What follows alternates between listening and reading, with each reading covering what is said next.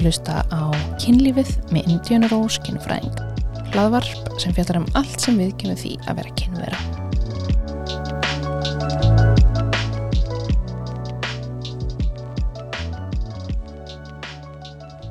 Góðan og blessaðan daginn og velkomið í kynlífið.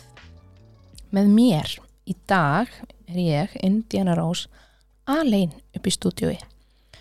Uh, ég ætla að taka eitt viðtal í dag uh, um mjög skemmtilegt umræfni en lífið gerist eins og kynlífið gerist stundum og þá er veikindi. Þannig í dag ætla ég að vera bara ég sjálf en ég ætla að fræða ykkur um tíðarringin, bara túr, blæðingar og ég ætla að reyna að hafa þetta bara á mannamáli. Ég ætla ekkert að fara of djúft eða flókið í einhverja líffræði og hvað er nákvæmlega að gerast í líkamannum og þetta er svona túr 101, bara grunnþekking. Ég mun fókusa doldi mikið á í rauninu bara leið og ekki stokkuna það sem er að gerast það í kring og hafa þetta doldi einfalt þó að sjálfsögðu líkaminn eru þetta allur tengdur, þú tekur ekkert bara leið og þetta er ekkert hérna, já þetta getur ekki staðið eitt og sér. Það er auðvitað rosalega margt sem hefur áhrif á blæðingarnar okkar og það er rosalega margt já, við blæðingar og tíðaringin sem hefur áhrif á restin af líkamannum okkar. Ég fer alveg smá inn í það uh, en ekki alveg og til dæmis bara eitt mjög auðvöld dæmi er að næringaskortur getur valdið því að líkaminn sleppir blæðingum. Þannig kannski til dæmis íþróttafólk að það er mikill ofreynslu og er ekki að næra sér nógu mikið með því. Þá oft byrjar það að missa úr blæðingum og, hvað maður segja, í gamla daga og bara mörgum stöðum í heiminum þar sem er næringaskortur, þar sem fólk hefur ekki aðgang bara að næringu og mat þá eru blæðingar oft mjög óreglulegar.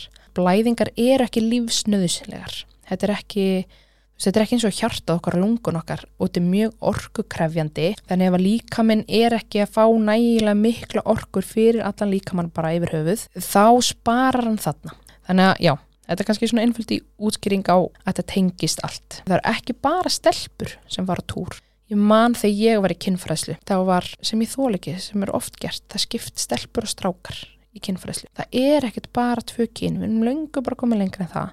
Hættum að skipta eftir kyni í kinnfræðslu. Og að því við stelpunar vorum að fá mikla fræðslu um túrin. Eða svona miklu meira heldur en strákanir. En strákar þurfa líka alveg þetta. Og bara allt fólk þarf fræðslu um túr þótt á ferð ekki á túr sjálfur eða sjálft eða sjálf, þá ertu kannski samt með fólk í kringum þig sem fer á túr. Kannski myndu eignast maka sem mun fara á túr, kannski myndu eignast börn sem munu fara á túr.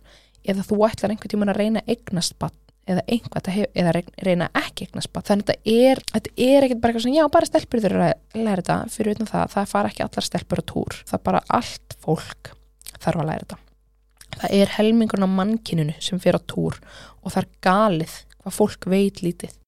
Núna í þættinu mun ég vera að lýsa bara svona rosa miklu svona meðal, þannig svona, svona average, bara meðal tímablæðinga, meðal tíðarring, þú veist ég mun nota 28 dagar, það er einhver svona meðaltal, það þýðir ekki ef að þú ert að hlusta á þáttin og þú er bara í þeir ringur um minni 33 dagar, hvað, hérna, hvað er að mér? 28 er bara þægilegt tala þegar munu heyra þá eftir þegar ég er að lýsa tíðarringnum og já, meðal tíðarringur er held ég eitthvað svona 28 til 32 dagar, þetta er eitthvað svona meðal það þýðir einhver tíðarringur er stittri og það eru tíðarringir sem eru lengri.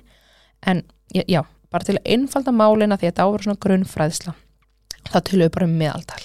Það eru þetta líka til óreglulega blæðingar og óreglulega blæðingar að því margir hafa heyrst þetta kannski fatt ekki alveg hvað er verið að tala um. Það er verið að tala um að kannski einn tíðarringurðin er 28 dagar. Og tíðarringur er að fyrsti dagur tíðarringsins er alltaf fyrsti dagur blæðinga.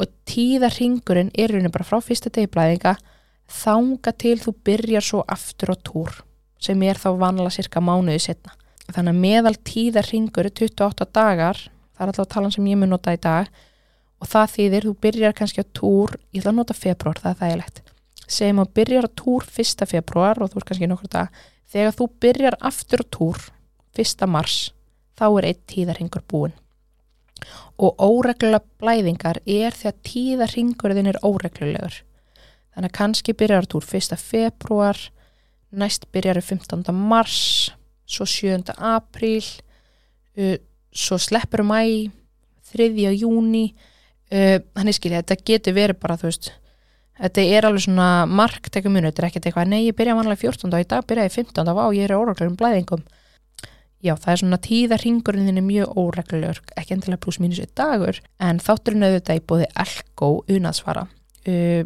ég hef sagt það í öllum þáttunum mínum held ég það er 30 daga unaðstrygging hjá elko og það er hægt að fá bara sendbind í dropp og 30 daga unaðstrygging ef þau eru bara, hm, hvað þýðir það eiginlega? Að ég ætla að útskýra allt svo vel hjá mér. Það þýðir, þú verð þú getur farað elko eða farið hérna niður skeifina valið tæki, kefta, farið heim, þú getur prófað. Og ef að þú fílar ekki þetta tæki þetta er að því við erum bara mismundi, mismundi kynfærið þannig ef þú ert með eitthvað og þú fílar það ekki þá getur þú skilaði fengið bara endugreitt, kefti nýtt það er algjör snilt þátturinn er að sjálfsögðu í búið Durex líka Durex mokkana. Ég heyri mjög oft, eða fæ oft þessu spurningu hvort maður getur orðið óléttur túr. Það er kannski minni líkur á því en maður getur í rauninni orðið óléttur allan tíðarhingin það er egló sem ég fer betur við setna, það gerist jú bara einu sinni mánuði en maður veit aldrei nákvæmlega hvernig það gerist. Þannig ef þú ert að stunda kynlíf þar sem það er mjög að tippi með sáðfrumum á túr það er ekki örug getnaverð sæðið getur lifað í legin í alltaf 5 daga eða viku, já 5 daga. Ekki það lifið kannski bara í sólaringar, maður veit aldrei nákvæmlega hvernig egló sér kannski kom það snemma. Sæðið lifar hann í 5 daga þannig að já, notið. Ekki áætla að túr sé bara fullkominn getnavörd þótt að það sé minnilíkur en að noti bara smokk, þið getið keift dúreg smokka bara í um sjópum, matveruverslunum og apotekum og svona en ef við förum aðeins í bara hvað er túr? Mér finnst einfaldast útskýringin og kannski svona smá fyndið er að það er bara leið er í fílu og fólk er eitthvað, hm, hvað meinar þú? Leið fyrir ekkert í fílu að því eina sem leið vil gera það er alveg sama hvort þú sért í samkynni sambandi eða þú, þér langar ekki eignast börn eða þú ert 14 ára og þú ert ekki á leiðin eignast börn, legin er alveg sama. Leið, eina sem það vil og hérna ekki stokkan er alltaf því sem fylgir, er að verða ólétt. Alveg sama hvað þér finnst um óléttur og hvað það vil bara verða ólétt.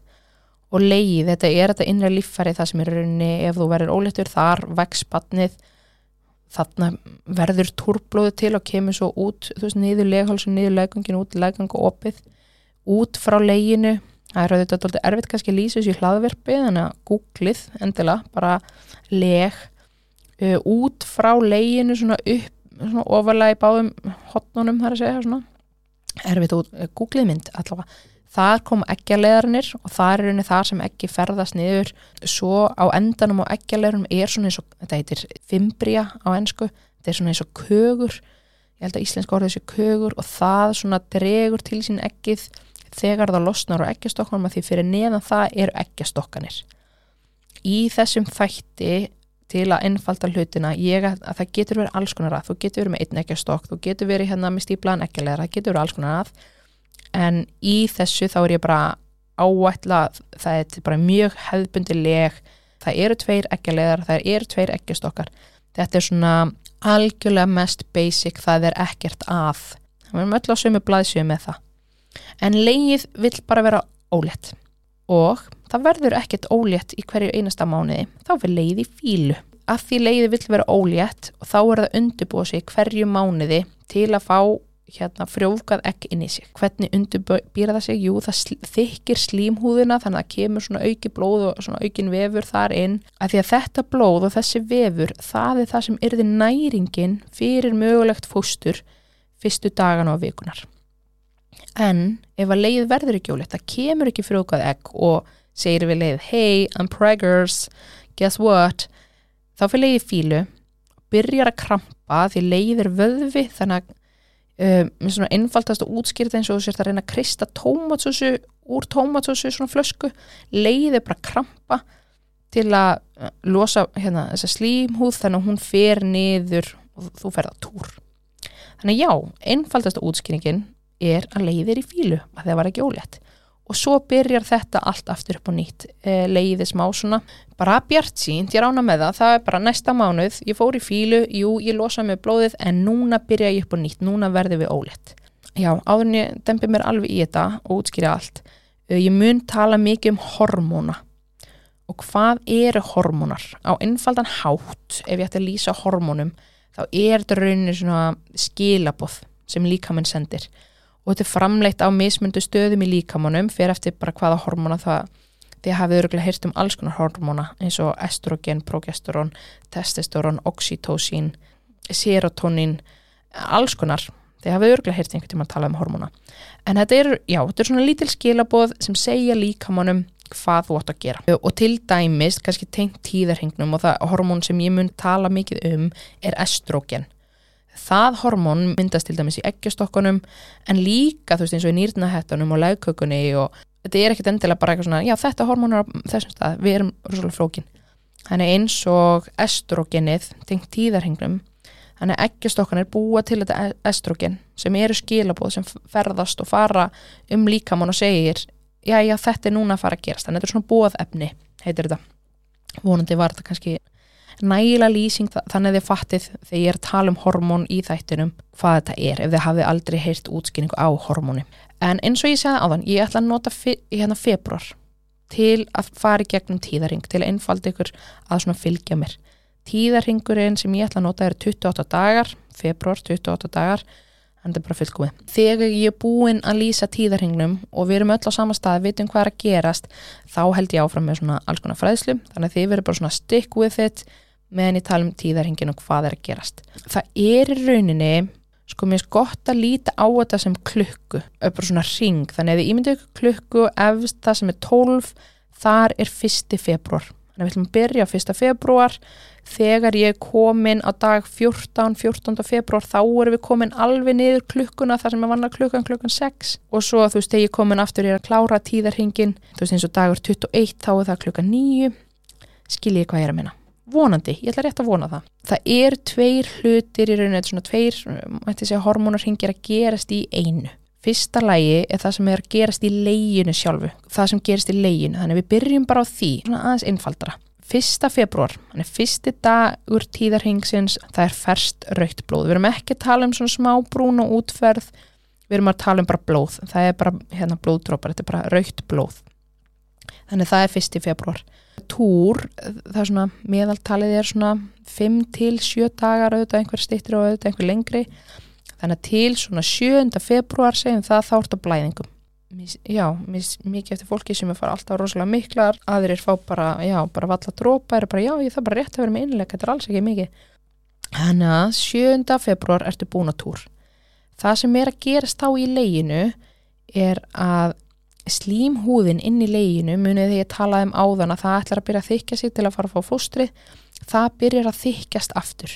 Þannig að það er bara svona sapnast blóð og sapnast þessi vefur þarna og þykir slímhúðina og slímhúð er dóldi eins og húðin sem erum með inn í munninum þú veist, hérna, bara ef við tóið niður vörun ykkar, þetta er svona slímhúð.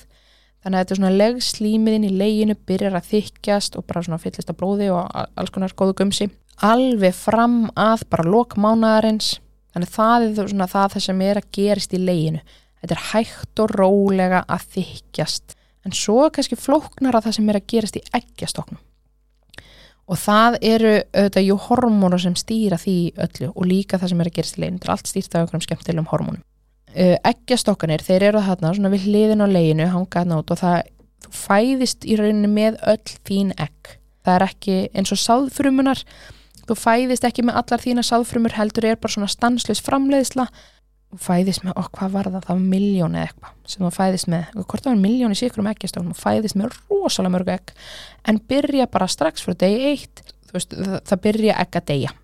Og þannig ég held að séum það kynþróska aldurinn þú ert samt þá alveg með 500.000 og það er bara eitt ekkleg sem, sem los- losnar í mánu þú ert maður, flestir eru bara nokkuð góðir í ágætist tíma.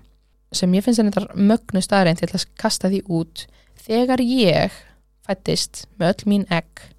þá var ég náttúrulega með öll mín egg þegar ég var inn í mömmu minni. Þannig að batni mitt eða börnin mín sem urðu til út frá eggjunum mínum mætti segja að þau hafi líka verið inn í ömmu minni. Nei, mömmu minni segi ég, af því að þau voru inn í mér þegar ég var í mömmu minni og svo urðu þau að batninu eh, sem eru til í dag. Ok, höldum áfram, eggjastokkanir þannig að það sem gerist í tíðarengnum þannig að þegar 1. februar og svona fram að 7. februar til að hafa þetta einfalt þá eru svona nokkur egg að verða tilbúin eða svona gera sér tilbúin í eggjastokun höfum þetta mjög einfalt, segjum tíu. Það eru tíu egg sem er svona jæja, ok, fyrir mig keppni. Ég ætla að vera eggið sem losnar í þessu mánuði.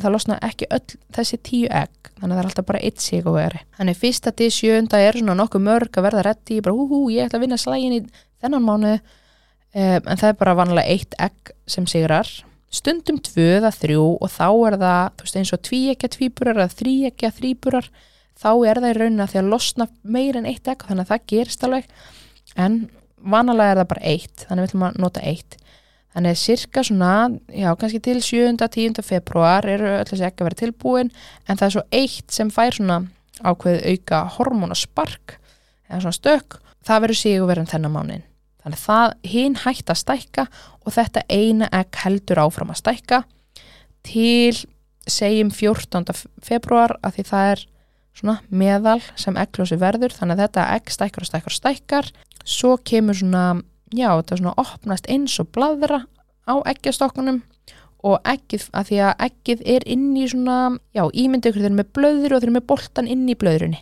bladran opnast og boltin fer út þá er þetta kögur sem eru á eggjastoknum sem hengur hérna fyrir ofan eggjastokkinu og svona sópar eggið upp til sín þannig að 14. februar þá er egglós og egglós, ef þið hafið hýrt þetta orð áður, það er raunni eggið að losna frá eggjastoknum.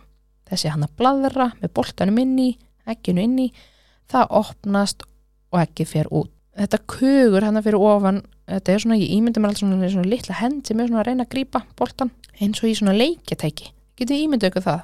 Hafið ekki séð svona eitthvað svona í kiluhöllinu og eitthvað, svona stýrir pinna og hann fyrir svona niður og grýpur í kringum eitthvað dót. Smá kannski svoleiðis, ekki alveg en svona þannig áttu ykkur aðeins á þannig að hann fer og sækir eggið sóparið upp í upp í eggja leiðaran og eggið ferðast á nýður eggja leiðaran og þetta tekur nokkra daga en eggið lifir bara í sólaring þannig að þú hefur 24 cirka klukkustundir já, til að frjókun á sér stað. Ef það er ekkert ekkert sæði inn í leginu sama hvort það sem þú varst að stunda samfarir á síðustu fymdugum því sæði lifir í fymda eða þú varst í tæknifrúkun eða eitthvað. Það er, við ætlum að segja bara að það er ekkert sæði í þessum tíðaring. Það kom í 14. februar, ekki losnar það er ekkert sæði að sjá. Ekki ferðast á niður ekki að leðaran, það lifir í sólaring þannig að svo eftir nokkra daga er það komið niður í leið og segir, ekki þannig en ok, ekki segir hei, sorry leg, ég er ekki ólétt. Það er ekki búið að frjóka mig þannig að, mm, já, sorry, þú þarfst að fara túr. Þannig þetta er kannski svona kringum 21. februar sem legið er átt að segja á. Herri, ég er ekki ólétt, best að fara blæðingar. Þetta er allt umlegt, ég er farin í fílu þá byrjar fólk ofta að fá svona, það fær oft svona krampa nokkrum dögum áður en það fyrir á blæðingar, það er svona krampast smá. Það legið að gera sér tilbúin fyrir þessar blæðingar og þá eru við komin á dag aftur 28, 28. februar þegar tíðarhingurinn er búin og þú byrjar að túr 1. mars. Segjum að það hefði verið sæði á svæðinu annarkort hérna þú stundi að kynli fyrir þremdjögum eða sama dag, þetta, var hérna einhverstur á flakki ekki losnaði, það er sæði þannig í eggja leiðarunum og frjókun á sér alltaf stað í eggja leiðarunum að því muniði, ekki lifi bara í sólring og það tekur svo langa tíma að færast inn í leið þannig sæðið syndir vanlega upp í eggja leiðaran og þar frjófgast eggið og að egg frjófgast er einu bara því að sæði fer inn í egg og það sem gerist þá inn í egg það verður svona frumuskipti og það fjölga sér frumunar eggið heldur áfram að ferðast niður í leið svo er komin dagur hana 21. februar 14. februar, já 19. 21 með eitthvað svo les 19. til 21. februar er frjókaða ekkið komið onni leið. Það segir þá leið, kalli minn, við erum ólétt til hamingi, þú þart ekki að fara í fílu þennan mánuðin. Þannig að leið segir, uhú, ég ætla ekki að fara á blæðingar. Stundum góð svona smá bletta blæðingar, kannski bara, þú veist, bara að því að ekkið grefur sig í rauninu svona inn í legu vekkin. Frjókað ekkið er þá búið að segja leginu, hei, við erum ólétt, ekki fara á blæðingar, ég þarf þessa næringu hann er leið á degi 28 og hann ætti að byrja á túr, það fer þá ekki blæðingar. Það er oft fyrsta merkja fólk sé ólétt af því það fer ekki blæðingar. Og það er svona hei, hei, hei, hvað er í gangi hérna, ég átti að fara blæðingar. ég hlýti að vera ólétt. Ekki það, það gerist ofta að fólk missir úr blæðingum með nokkur dög seint, það þýðir ekki alltaf með sér óléttur. En þess vegna er þetta oft fyrsta merki á sért óléttur að þú ferð ekki að túr að því frjókaði ekki að búið að segja leginu hei, við erum ólétt ekki losaði við þetta blóð að því það, mér vantar þessa næringu. Og þess vegna líka virkar, e, virka óléttu próf ekki bara strax dægin eftir. Þannig ef þú ert heimahör eða eitthvað starf, þú ert einhver starf stundar kynlíf eða fórst í tæknifrökun eða eitthvað þannig að það fór sæði upp einmitt, þú ert að sofa í einhverju með tippi smokkurinn dettur af, það kemur gatasmokkin eða eitthvað að klúðrast, glemtur honum. Ég get ekki bara, já já, best að fara nýja kaupa óleitupróf, tek óleitupróf á morgun, af því að ekkið er ekki búið að ná að ferðast nýri leið það er ekki búið að segja líka mannum heifir um óleit, ekki losaði við þetta ekki losaði við þessa næringu, ekki fara túr. Og að því að þegar ekkið er komið inn í leið þá byrjar það að framlega hormón sem heitir HCG og það þarf að svona já, það þarf að verða mikið ákveðið magn af því til að mælast á óléttiprófi og það er ekki nóga mikið magn af því bara strax daginn eftir. Þannig leiðið kannski orðið ólétt frjókað ekki að búa að grafa sér inn í leið og segja yfir mólétt ef ég tek óléttipróf þremdögum eftir, það er ekki orðið nóga mikið fyrir prófið að mæla það. Alveg eins og fólk þekkir þetta kannski með COVID ef að ég hitt einhvern sem var með COVID og ég fór strax heim og tók COVID-próf það kæmi líklega sneikvægt bara því vírusin þurfti ákvæmlega marga daga til að fjölga sér ná mikið í líkamannum til að verða greinilegur á þessum prófum. Það er svona alltaf einhvern svona, já þú hittir eitthvað þarf að vera einagrunni vík og svo taka test. Það er eins og með ólutprófin maður getur ekki tekið bara strax, þú verður helst að býða í tvær vikur. Svona tíu daga til tvær vikur en helst tvær vikur. Svona meða við bara, já, takt óleitupróf daginn sem þú hefðir átt að byrja túr eða átt að byrja túr, eða þú byrjar ekki túr vonandi var þetta innfalt og svona nokkuð skýrt. Og þessu hormón sem hafa áhrif á þetta er eins og hérna, þetta er LH luteinizing hormón þetta er FSH sem er svona follicle stimulating hormón sem hefur áhrif á örfun á hérna ekkinu í ekkjastokkunum hérna, þetta LH og FSH það svona toppar sig akkurat þegar ekklósið er.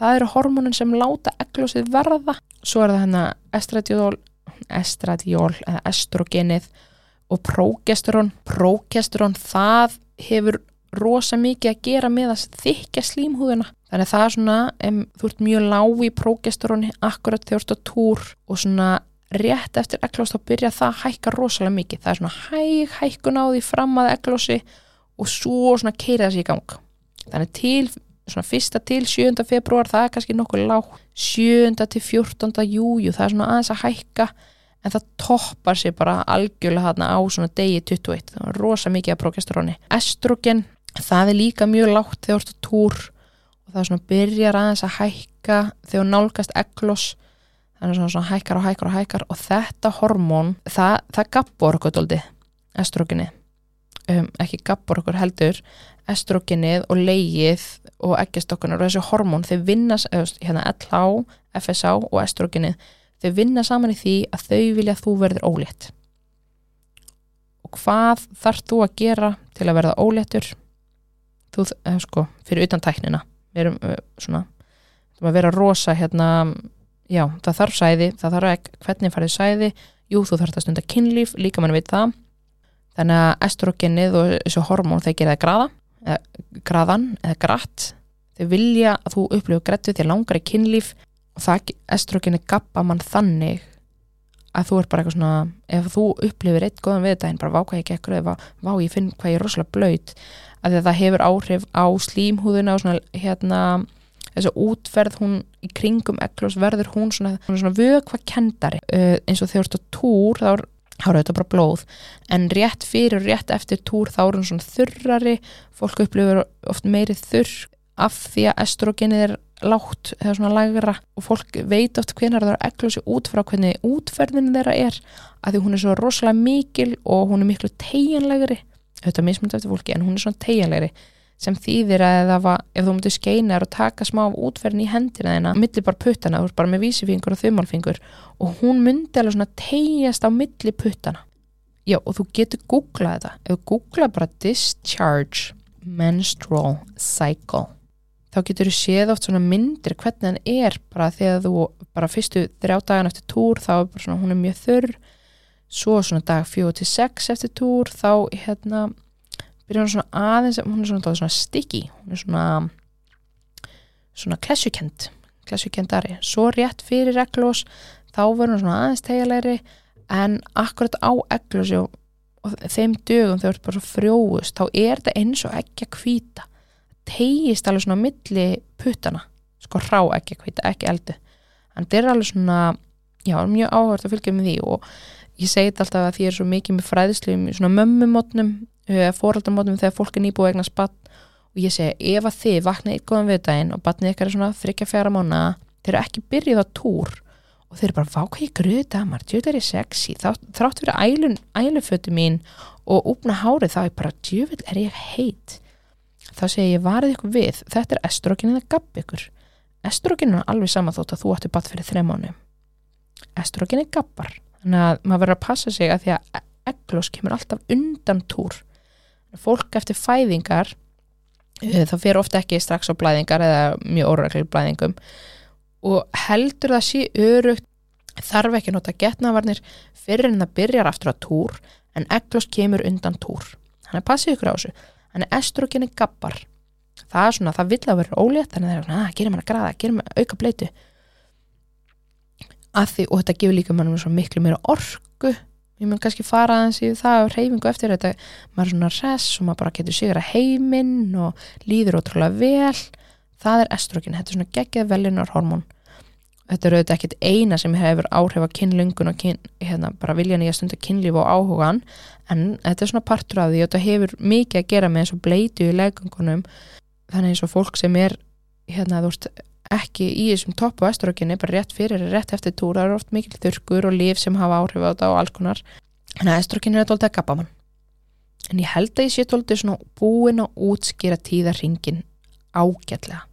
Ef við tökum smá recap meðal tíðarringur er 28 dagar uh, dag 1 til 7 það er túr, dagur 14 það er eglos og svo hann að svona dag 21 21. februar eins og ég var að tala um í dæmin aðan það væri lík, leið að fá að vita er ég ólétt, er ég ekki ólétt? Og tekur ákverðin út frá því. Ef ég er ekki ólétt þá fyrir túr ef ég er ólétt þá fyrir ég ekki túr. Þannig þetta er smá ríkap og núna ætlum við aðeins að halda áfram að við erum öll með þessa grunnþekkingu og mér langar að byrja að tala um túrverki og hvað er eðlilegt þar. Ég held að öll sem hafa farið á túr og upplifa túrverki að þau hafa fengið að heyra. Já þetta er bara eðlilegt. Það er aðeinlegt að fá túrverki. Og það skiptir ekki máli hvort að fólki er smáilt eða fólk er að æla af túrverkjum og fólk heldur bara já ég meina það er bara aðeinlegt að fá túrverki. Eðlilegir túrverkir eru ekki sársöka fullir eðlilegir túrverkir, jú þetta er svona krampar og þetta er ofta svona krampar bara það sem leið er neðalega í maganum líka bakinu, þú verður þreytari, þú, ert, þú veist það er hérna droppi í hormónunum sem hafa mikið að gera með orkunaðina. Það er mjög orkufrækt þannig að það er svona þreytt. Kannski svona já pyrrið í skapinu að því að bara svona þessi hormónu er látt niður í það, maður verður pyrrar þegar maður er ílt og það er að blæða úr manni og maður er eitthvað svona ó, er þetta að leka, þú, þú veist, það er bara já, maður kannski líður ekki vel, þá verður maður pyrraður það eru svona eðlið túrverkir og við eðlilegum túrverkjum þú getur bara tekið einhver verkelif sem átt líklega heima hjá þér, bara íbúfinn og parataps kannski fara í heitt bað. Þú getur lappað um á staðið þú ert ekki bara í fósturstellingu gólfinu. Þú getur verið í skólan eða vinnu og jú, ok, þau eru kannski svona það eru sumir sem er kannski, já, ég er bara heima fyrsta daginn að því, þú veist, það er svona áþægilegt bara, og ég geta þannig ég verð bara heima að vinna eða en þetta er ekki að hafa þannig áhrif á líðið að einn, já, bara tveir, þrjú dagar í mánu eða bara alltaf þegar þú fer að túr að þú er bara átt það eru ekki eðlir túrverkir. Eðlir túrverkir eru bara svona mjög bærilegir óeðlilegir túrverkir. Það er til dæmis bara þú getur ekki staðið að verkjum það líður yfir þig, þú ælir að verkjum þú bara engist um þú, já, er bara ómögulegur grátandi að verkjum, ekki bara svona grátandi með líður ítla því þú er þú er bara grátandi að verkjum, þið myndur ekki að halda yfir að lýsa bara eitthvað svona fótbróti eða nýrnasteinu með eitthvað, bara eitthvað svona gali en sumur upplifa svona túrverki og fá að heyra að þetta sé eðlilegt. Og þetta er alls ekki eðlilegt og það sem gerist í raun oft að því eins og til dæmis það sem getur verið að þegar þú ert með svona slæma túrverki er það sem heitir endometriósa. Og það er mjög hérna, hvað sem er svona arfgengt. Þannig ef að ég væri með endometriósi og ég fætti mömmu minnar og ömmu minnar og ég er bara, oh my god, þetta er svo ógisla fónt, ég er svo ógisla miklu túr og, og það er bara hennar liður yfir mig. Það er bara mjög líklegt að mamma mín og amma mín væri líka með endometriósu þetta er arfgengt. Þannig að þær mun örgla, mögulega, segja við mig já, indiana mín, þetta er eðlilegt. Ég er alltaf svona líka, af því þau vita heldur ekki betur, því þau fengur líka vita þetta og heyra þetta. Og læknanir kannski vissu ekki betur. Þannig ef að þið eru bara svo omgætt ég tengi við þetta eða unglingurum minn tengi við þetta eða vingurum með einhver stingið upp á við þau að skoða endó. Og ef að þú fer til læknis og hlustar ekki á þig og bara neitjúrverkir bara eðlir farðu til annan læknis. Þú getur heyrt í end og samtökunum til dæmis á Instagram og Facebook og já, þau eru líka með heimasíðu. Að fái ráð hjá þeim, bara hei hvaða lækni mælið með, ég fór til læknis, hann sagði þetta var eðlilegt, ég hlusti á podcast sem sagði þetta var ekki eðlilegt og það sem ég sá á heimasíðun ykkar sagði þetta var ekki eðlilegt. Og ef að þið eruð að vinna með börnum eða í kringabörnum eða þekkibörnum og unglinga og bara fullar fólk, stingi upp og bara hei, hefur kynntir þetta? Það þarf ekki að vera, ég er ekki hérna til að greina fólk í gegnum hlaðavarp með endometriósu en það, þetta er ekki eðlert og við eigum ekki vera bara að þjást af túrverkjum. Það sem getur líka haft áhrif á tíðarhingin og túrverki og eglos er það sem heitir PCOS fjölblöðuru eggjastokka heilkenni og þetta er gríðilega langt nafn þannig ég ætla að nota PCOS og PCOS, þetta fjölblöðuru eggjastokka heilkenni er rauninni kannski innfaldast og útskýringin er munið þegar ég var að tala um eggjastokkana áðan og hvernig það er svona nokkur egg fara að gera sér tilbúin en svo er bara eitt sigurver og losnar. Það verður einhver svona hormonarugl að því að þetta er svona innkirtleg sjúkdómur þetta er svona hormonaruglandi sjúkdómur að allt í fókja hana. Það sem gerist og eins og ef þú ert með PCOS eða svona þú fer til hvern sjúkdóma læknis þeir segja þú ert svona PCOS lega eggjastokka það þýðir að muni hvernig hérna þá er bara eitt sigurinn að það eru mörg egg sem fara að gera sér tilbúin og ætla að sigra og út af hormonaröglunu gerist ekki neitt. Það verður, það, það sigrar ekki eitt egg heldur stækka kannski mörg þannig að þú skoða eggjastokkana kringum þegar ætti að vera egglós þá eru svona mörg stór egg. Þannig það sem er mjög einkennandi fyrir PCOS er til dæmis svona blöður á eggjastokkum, það mynda svona bladar á eggjastokkunum sem springur sem getur verið bara gríðalega sásökufullt og fólk þarf bara að fara nýra bráðamóttöku og fá morfín í æð og það er unni ekkert ekkert að gera. Og já, bæða veið þetta er mjög einföld lýsing, þetta er, þetta er miklu flóknara og margt sem hefur áhrif. En ég er bara svona aðeins að taka smá dæmi. Annað einkennandi fyrir PCOS er óreglulega blæðingar. Að því til að vera með reglulega blæðingar þarfst að fá reglulegt eglós og ef þú ert ekki að fá reglulegt eglós þá færð ekki reglulega blæðingar. Og þannig erum við að tala um að leiðu 6 mánir á milli blæðinga svo leiðu 3 mánir, svo 2 vikur. Uh, svo aftur 9 mánir rosalega óregluleg. PCOS getur líka valdið mjög miklum blæðingum og ég er ekki að greina einn eða neitt meðan lýsa enginum þú veist eins og til að greina PCOS þá er það svona þú veist, þú þarfst að fara í blóðpröfu þar að skoða ekki stökkunna og söguna þina en til dæmis ef ég væri bara með PCOS lega ekki að stokka já þau eru hérna, þú veist þetta lítur út eins og perlufesti. En ég væri samt regluleg og það myndi taka blóðpröfu nokkru sinnum stundu þar á nokkur skipti. Það væri bara alltaf, þá var ég ekki með PCOS uh, og það að þú sért með slæma túrverki það þýðir ekki endilega á sért með endometriósu.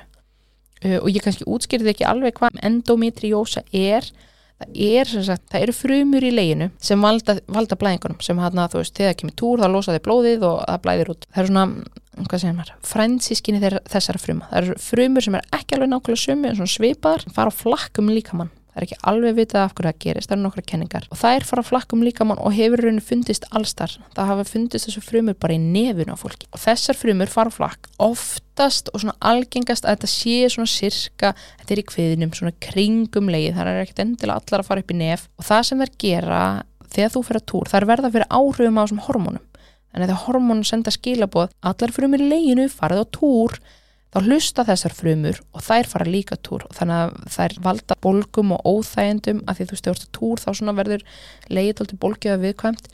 Þannig þessar frumur hvar sem þær eru hlusta og láta eins og þær séu í leiðinu og fara túr. Og það sem gerist það getur myndið svona samgróningar þannig að það er kannski e, til dæmis kannski eggjastokkurinn í einhverju ruggli að þau eru með endó kannski festist við þarmana á þér eða festist við leið eða festist einhvers sem þarman er festast saman. Þannig að það verða svona samgróningar getur verið út um allt þannig að það veldur gríðarlega miklum sársöka og að þetta er svona að þessi hormón er tengt tíðarhingnum þannig að þetta fylgir oft sársökin fylgir oft tíðarhingnum já, ég er ekki greina einn eða einn, ég er ekki læknir ég er ekki sérfræðingur í endometriósu eða PCOS en þetta kannski lætur einhvern hugsa. Og hvað er líka góð lausn við túrverkjum? Nefndi einhverja lausnir á þann en það verkja liv og svona. En einn geggið lausn sjálfsfrún og rauninni bara kynlífi yfir höfuð. Af því það losar fullt af velliðunar hormónum við höldum áfram að tala um hormónin. Og þessir velliðunar hormón hafa áhrif á verkin okkar og líði betur. Það er ekkert eindilega að taka túrverkina þú er bara ekki neðu stundar sjálfsfrún og fara ekki túrverkið þennan tíðring en það minga verkina. Hvað gerir maður þá? getur stundar sjálfsfrún stundakilni með öðrum þessi þáttur eru bóði elgóð unansvara þá er líka hægt að fara svona eiginlega gott túrtæki fyrir sig, fara nú elgóð og bara hei, mér ég vil alltaf túrverki, mér finnst að ég eigi að fá að líða, skoða eitthvað tæki og þetta er líka fínt ef fólk uh, meikar ekki að snerta, þú veist bara svona, sem er vilja ekki snerta blóð finnst það óþægilegt, það er bara fullkomið að nota tæki til þess ef þú vilt fá eitthvað inn í legung meikar ekki að fá puttana eða blóð eða vilt stunda kynlíf en þér finnst eitthvað svona finnst þetta óþægilegt, þér finnst óþægilegt að fá tippinn eða putta inn eða eitthvað þá getur þú nota bara tæki. Tæki getur fara inn, þú getur líka nota bara á ytri svæði verið að örfa þarfst ekki endilega að fá fullnægingu til að þessi hormón losni og hafi áhrif, þessi veljunar hormón en þú getur gert það bara súklaði, því súklaði gott líka ég held að elko sé ekki með súkulæði ég skal ekki segja þeim að hafa svona ef þú pantar og segir í kommenti í þessu túr þá farir súkulæði líka. Þetta, þetta er hugmynd elko, ef þú eru að hlusta. Blink, blink, fara á elko.is panta sér tæki, fá það bara að senda drop og það er mjög gott að plana þetta fyrir næsta tíðring ekki það drop sendingin sé, ég held að sé bara einn eða tvei dagur sem þetta komið til þín. En þú veist þú ert að fara að byrja túr eftir viku. Bam, panta það núna. Þannig að til að svona, já hafa einhverja leið til að líða, láta sér líða betur á túr á ferðinu elko. Finnið einhver, eitthvað geggjatæki eða getur líka að fara í skeifuna, þau eru líka með tæki þar.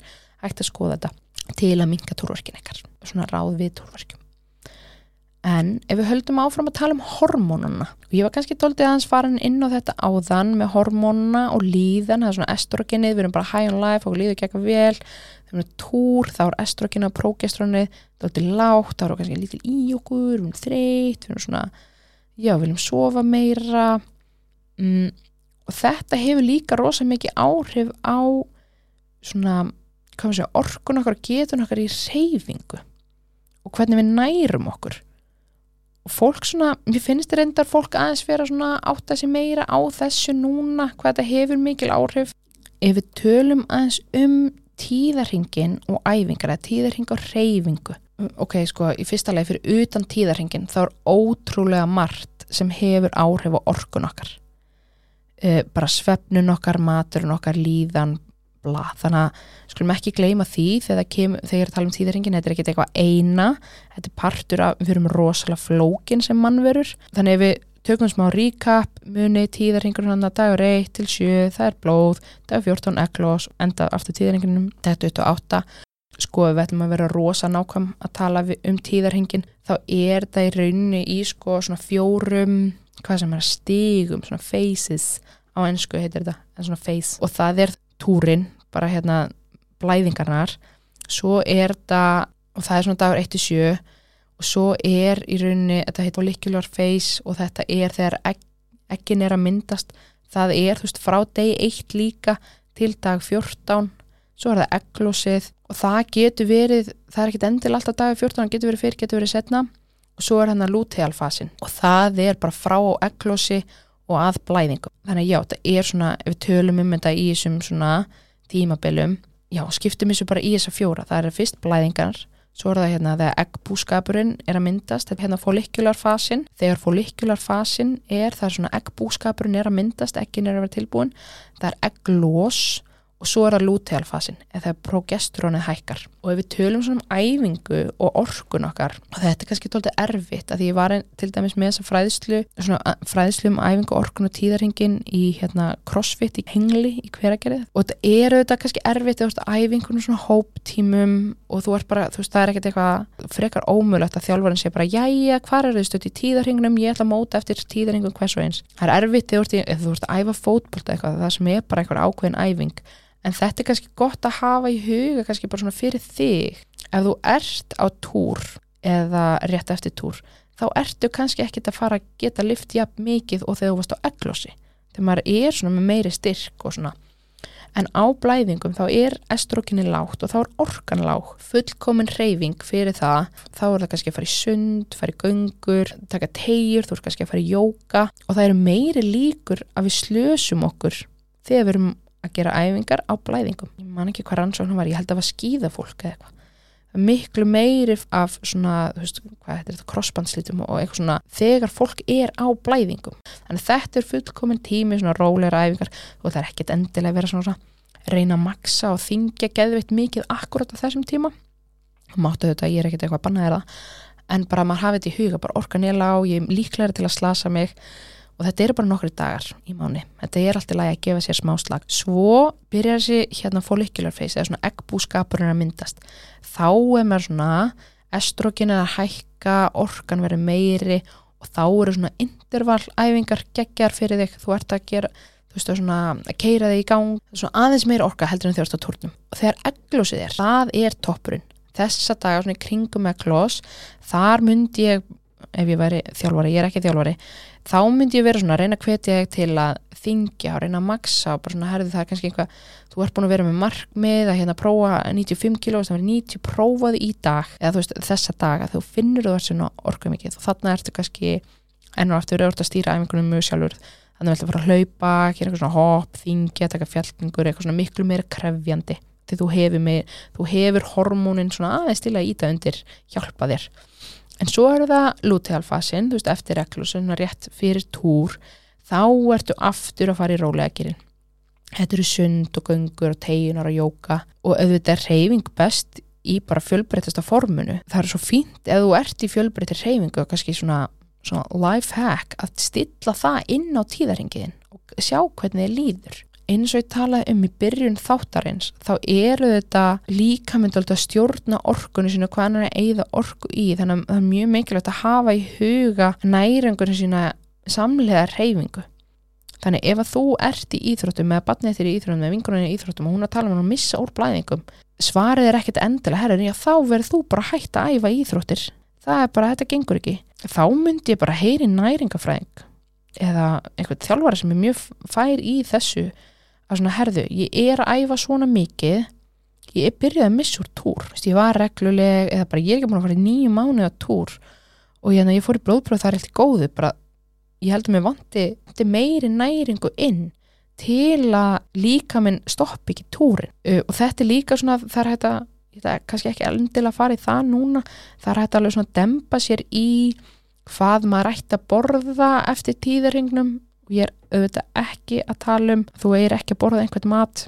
Ég er að tala um þegar þú ert að túr, það eru blæðingar, það er orgu mikið, þá þartu kannski að borða meira af kólvetnum en að, að svona pæla í þessu hvaða, hvaða næringu best fyrir mig með við tíðarhengi minn eftir hvernig ég líka reyfi mig, því þetta er svona hann er margir pæli í þessu og fatta þetta ekki og mörgum finnst þetta að vera svona bara svona lifehack þegar þið átt að segja á þessu bara já, auðvitað hefur, hafa hormonin áhrif á mig hvað þá reyfingunum minn og orkunum minn í og, og þetta, þú veist, ef þú ert í æfingum þú ert að ökla svo bara, vá, þetta er í sterk. Og svo að því að, svo kemur túrin tveim vögum setna og þú bara, oh my god, vá Indiana ömulega við þetta maður ég get ekki neitt, ég gæt lif fyrir tveim vögum og núna get ég ekki ég bara nendi hvað á æfingu dag, bara hvað er að mér? Ekki verið að rýfa eitthvað niður. En freka við bara, herri, ég er bara túr, þá er ég bara þreytt þá er ég ekkert að fara að maksa nætt það eru líka rosa margi sem svona fyrst, í fyrsta sinna allir kannski æfinu kynna sér tíðarhingin þegar þau eru að fara að reyna eignast barn. Og ég held maður þarf að þekka tíðarhingin sama hvort þú ætlar eignast barn eða þarf að forðast eignast barn. Að því að fólk virðist ekki alveg átta sig á tíðarhingnum eins leiðilegt að það er, þú ert að reyna eignast barn það er eitt sjans í mánuði og það er held ég eitthvað svona 30% líkur á það takist eða ert að reyna eignarspað hver mánuður. Að því það losna bara egg á einum tímabili mánuð og það er bara eitthvað, herði við erum búin að vera að reyna í mánuð við erum búin að stunda kynli á hverjum deg og það gerist ekkert, við verðum ekki dólétt. Og maður er svona, já, ok þú, elskar minn, þú verður að kynna það tíðarhingin maður verður að vita, læra þetta inn á tíðarhingin bara, herði það er ekklos það þýðir ekki, og líka hvernig sæði virkar þannig ef þú ert í gagkinja samband og ætlar að fara einhvern spatt, það sem er tippi og sæði það er píka og lega og allt sem því fylgir að já, við ætlum að passa okkur stund að kynlífi kringum ekklos það þarf ekki að vera daglega en ég myndi alltaf mæla með bara annarkvæð dag að þetta sæði lifir í fymta en ef ég var að reyna eignast batn í dag tíðarhingurum minn var rosalega reglur og við miðum aftur við februar ég myndi byrja kannski svona 9. februar annan hver dag til hvað, hvað maður segja, 18. februar að passa stund að samfarir þá þar sem hefur verið sáðlót inn í legungin eða við legung opið. Og passa líka þetta með eins og að þú ert að nota sleipefni því sum sleipefni hafa áhrif á sáðufrumunar það er hægt að kaupa svona sperm friendly sleipefni í apotekum og það er hægt að googla þetta að tala um hvernig apotekin bara herðu hvaða eigið eitthvað sleipefni sem hafa ekki slæm áhrif á sáðufrumunar og líka þú ert að ef að þú vilt ekki vera á hormón og getnavörn þá er þetta svona eina af þeim svona hormónalauðsu getnavörnum mælt með er að fylgjast með tíðarhengnum sínum en þetta þarf maður að gera rosalega vandlega það er ekkit bara eitthvað svona já ég veit að ég á ekklósi í kringum 14. en ég ætla bara ekki að stunda kynni í 14. en ef að ég væri að reyna að eignast ekki barn og ég vildi ekki vera hormónum, ég vildi ekki nota smokk það sem ég þurft að gera ég myndi þurfa að kynna mér þetta bara hérna hormónlaus getnavarn en þetta er held í náttúrulega aðferðin. Það er oft mælt með að fylgjast með hitanum sínum og þá þarf ég að mæla hita minn með nákvæmum hitamælu sem er held í með tveim komum uh, hverju mótni áður en ég stend upp alltaf á svipum tíma. Og að því hugmyndin er að við eglos þá hækkar líkamshitin aðeins um nokkar komur Þannig segjum að ég sé alltaf ég vakna og ég er alltaf 36,3 alla daga en svo er ég alltaf í 36,8 eða 37 og þá er maður líka fylgjast með hérna, útferðinni sinni hafa það samt í huga að eglos kemur ekki alltaf á sama tíma. Það getur komið fyrir einn mánuðin, það getur komið setna einn mánuðin og estrogenið gappar. Þannig ef þú ert á náttúrulega tíðarhing og þú er ekki, neina, ég á ekki verið túrið, þannig ekki, gekk ekki til kynli, vá, ekki, vá, ég er heitskeli heimi. Passaði á því en kynnið ykkur samt þetta vel og ef að fólk gerir þetta vel og rétt þá er þetta öru getnavörn en maður þarf þá að gera þetta vel og rétt. Alveg eins og pillan. Gegguð getnavörn ef þú tekur hana vel og rétt cirka sama tíma hverjum degi alla daga mánunins ef þú ert að taka pillun og gleymur henni annan hver dag þá er hún ekki að fara að virka eins og hann á að virka. Og líka þið makar eða fóldrar eða vinir fólks á túr að ræða túrin. Það er ekkert verra en skortur og fræðslu og fólk sé eitthvað þjást í hljóði. Að það eru fullt af fólki að það úti bara að repast úr túrverkjum að þið halda þessi eðlilegt.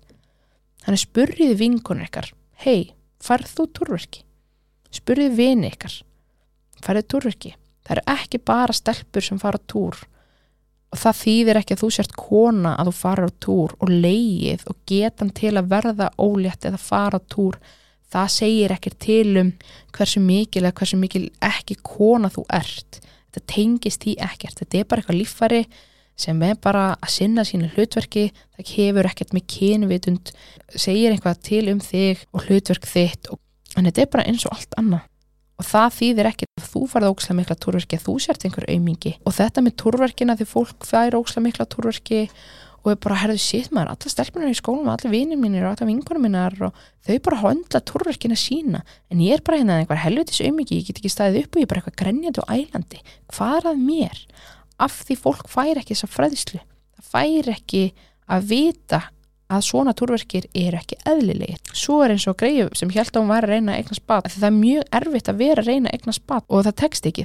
Að stunda kynlífa hverjum tegi og taka óleitupróf að vonast til að hann verði óleitt, vonast til að fá jákvæmt próf að því hún vissi ekki hvernig tíðarhengurum virkar. Það er svona þurfum við að vera með fræðslu, við þurfum að tala um þetta, bendið fólki kringum okkur, allhustána þátt, að fræðast, það til alls konar fræðslefni. Þetta er ekkert eitthvað eini þátturinn sem er hægt að læra um túr í. Það er til bækur, það er til ótrúlega mikið á YouTube, þannig bara reynið að skilja tíðarhengin og fræðast að því alvörunni það mun gera lífið okkar svo miklu auðveldra að skilja ykkur og skilja fólki í kringum ykkur og geta frætt fólki í kringum ykkur. En nóg um túr. Ég gæti tala, það er svo margt sem ég er ekki einu svona talum, ég gæti tala svo ótrúlega lengi um túr og fara svo miklu dýbra í hormónuna og allt því sem fylgir. Ég fæ kannski einhvern hvern sjúkdómalækni til að koma að ræða við mig um þetta en ég segi bara takk fyrir mig og njótið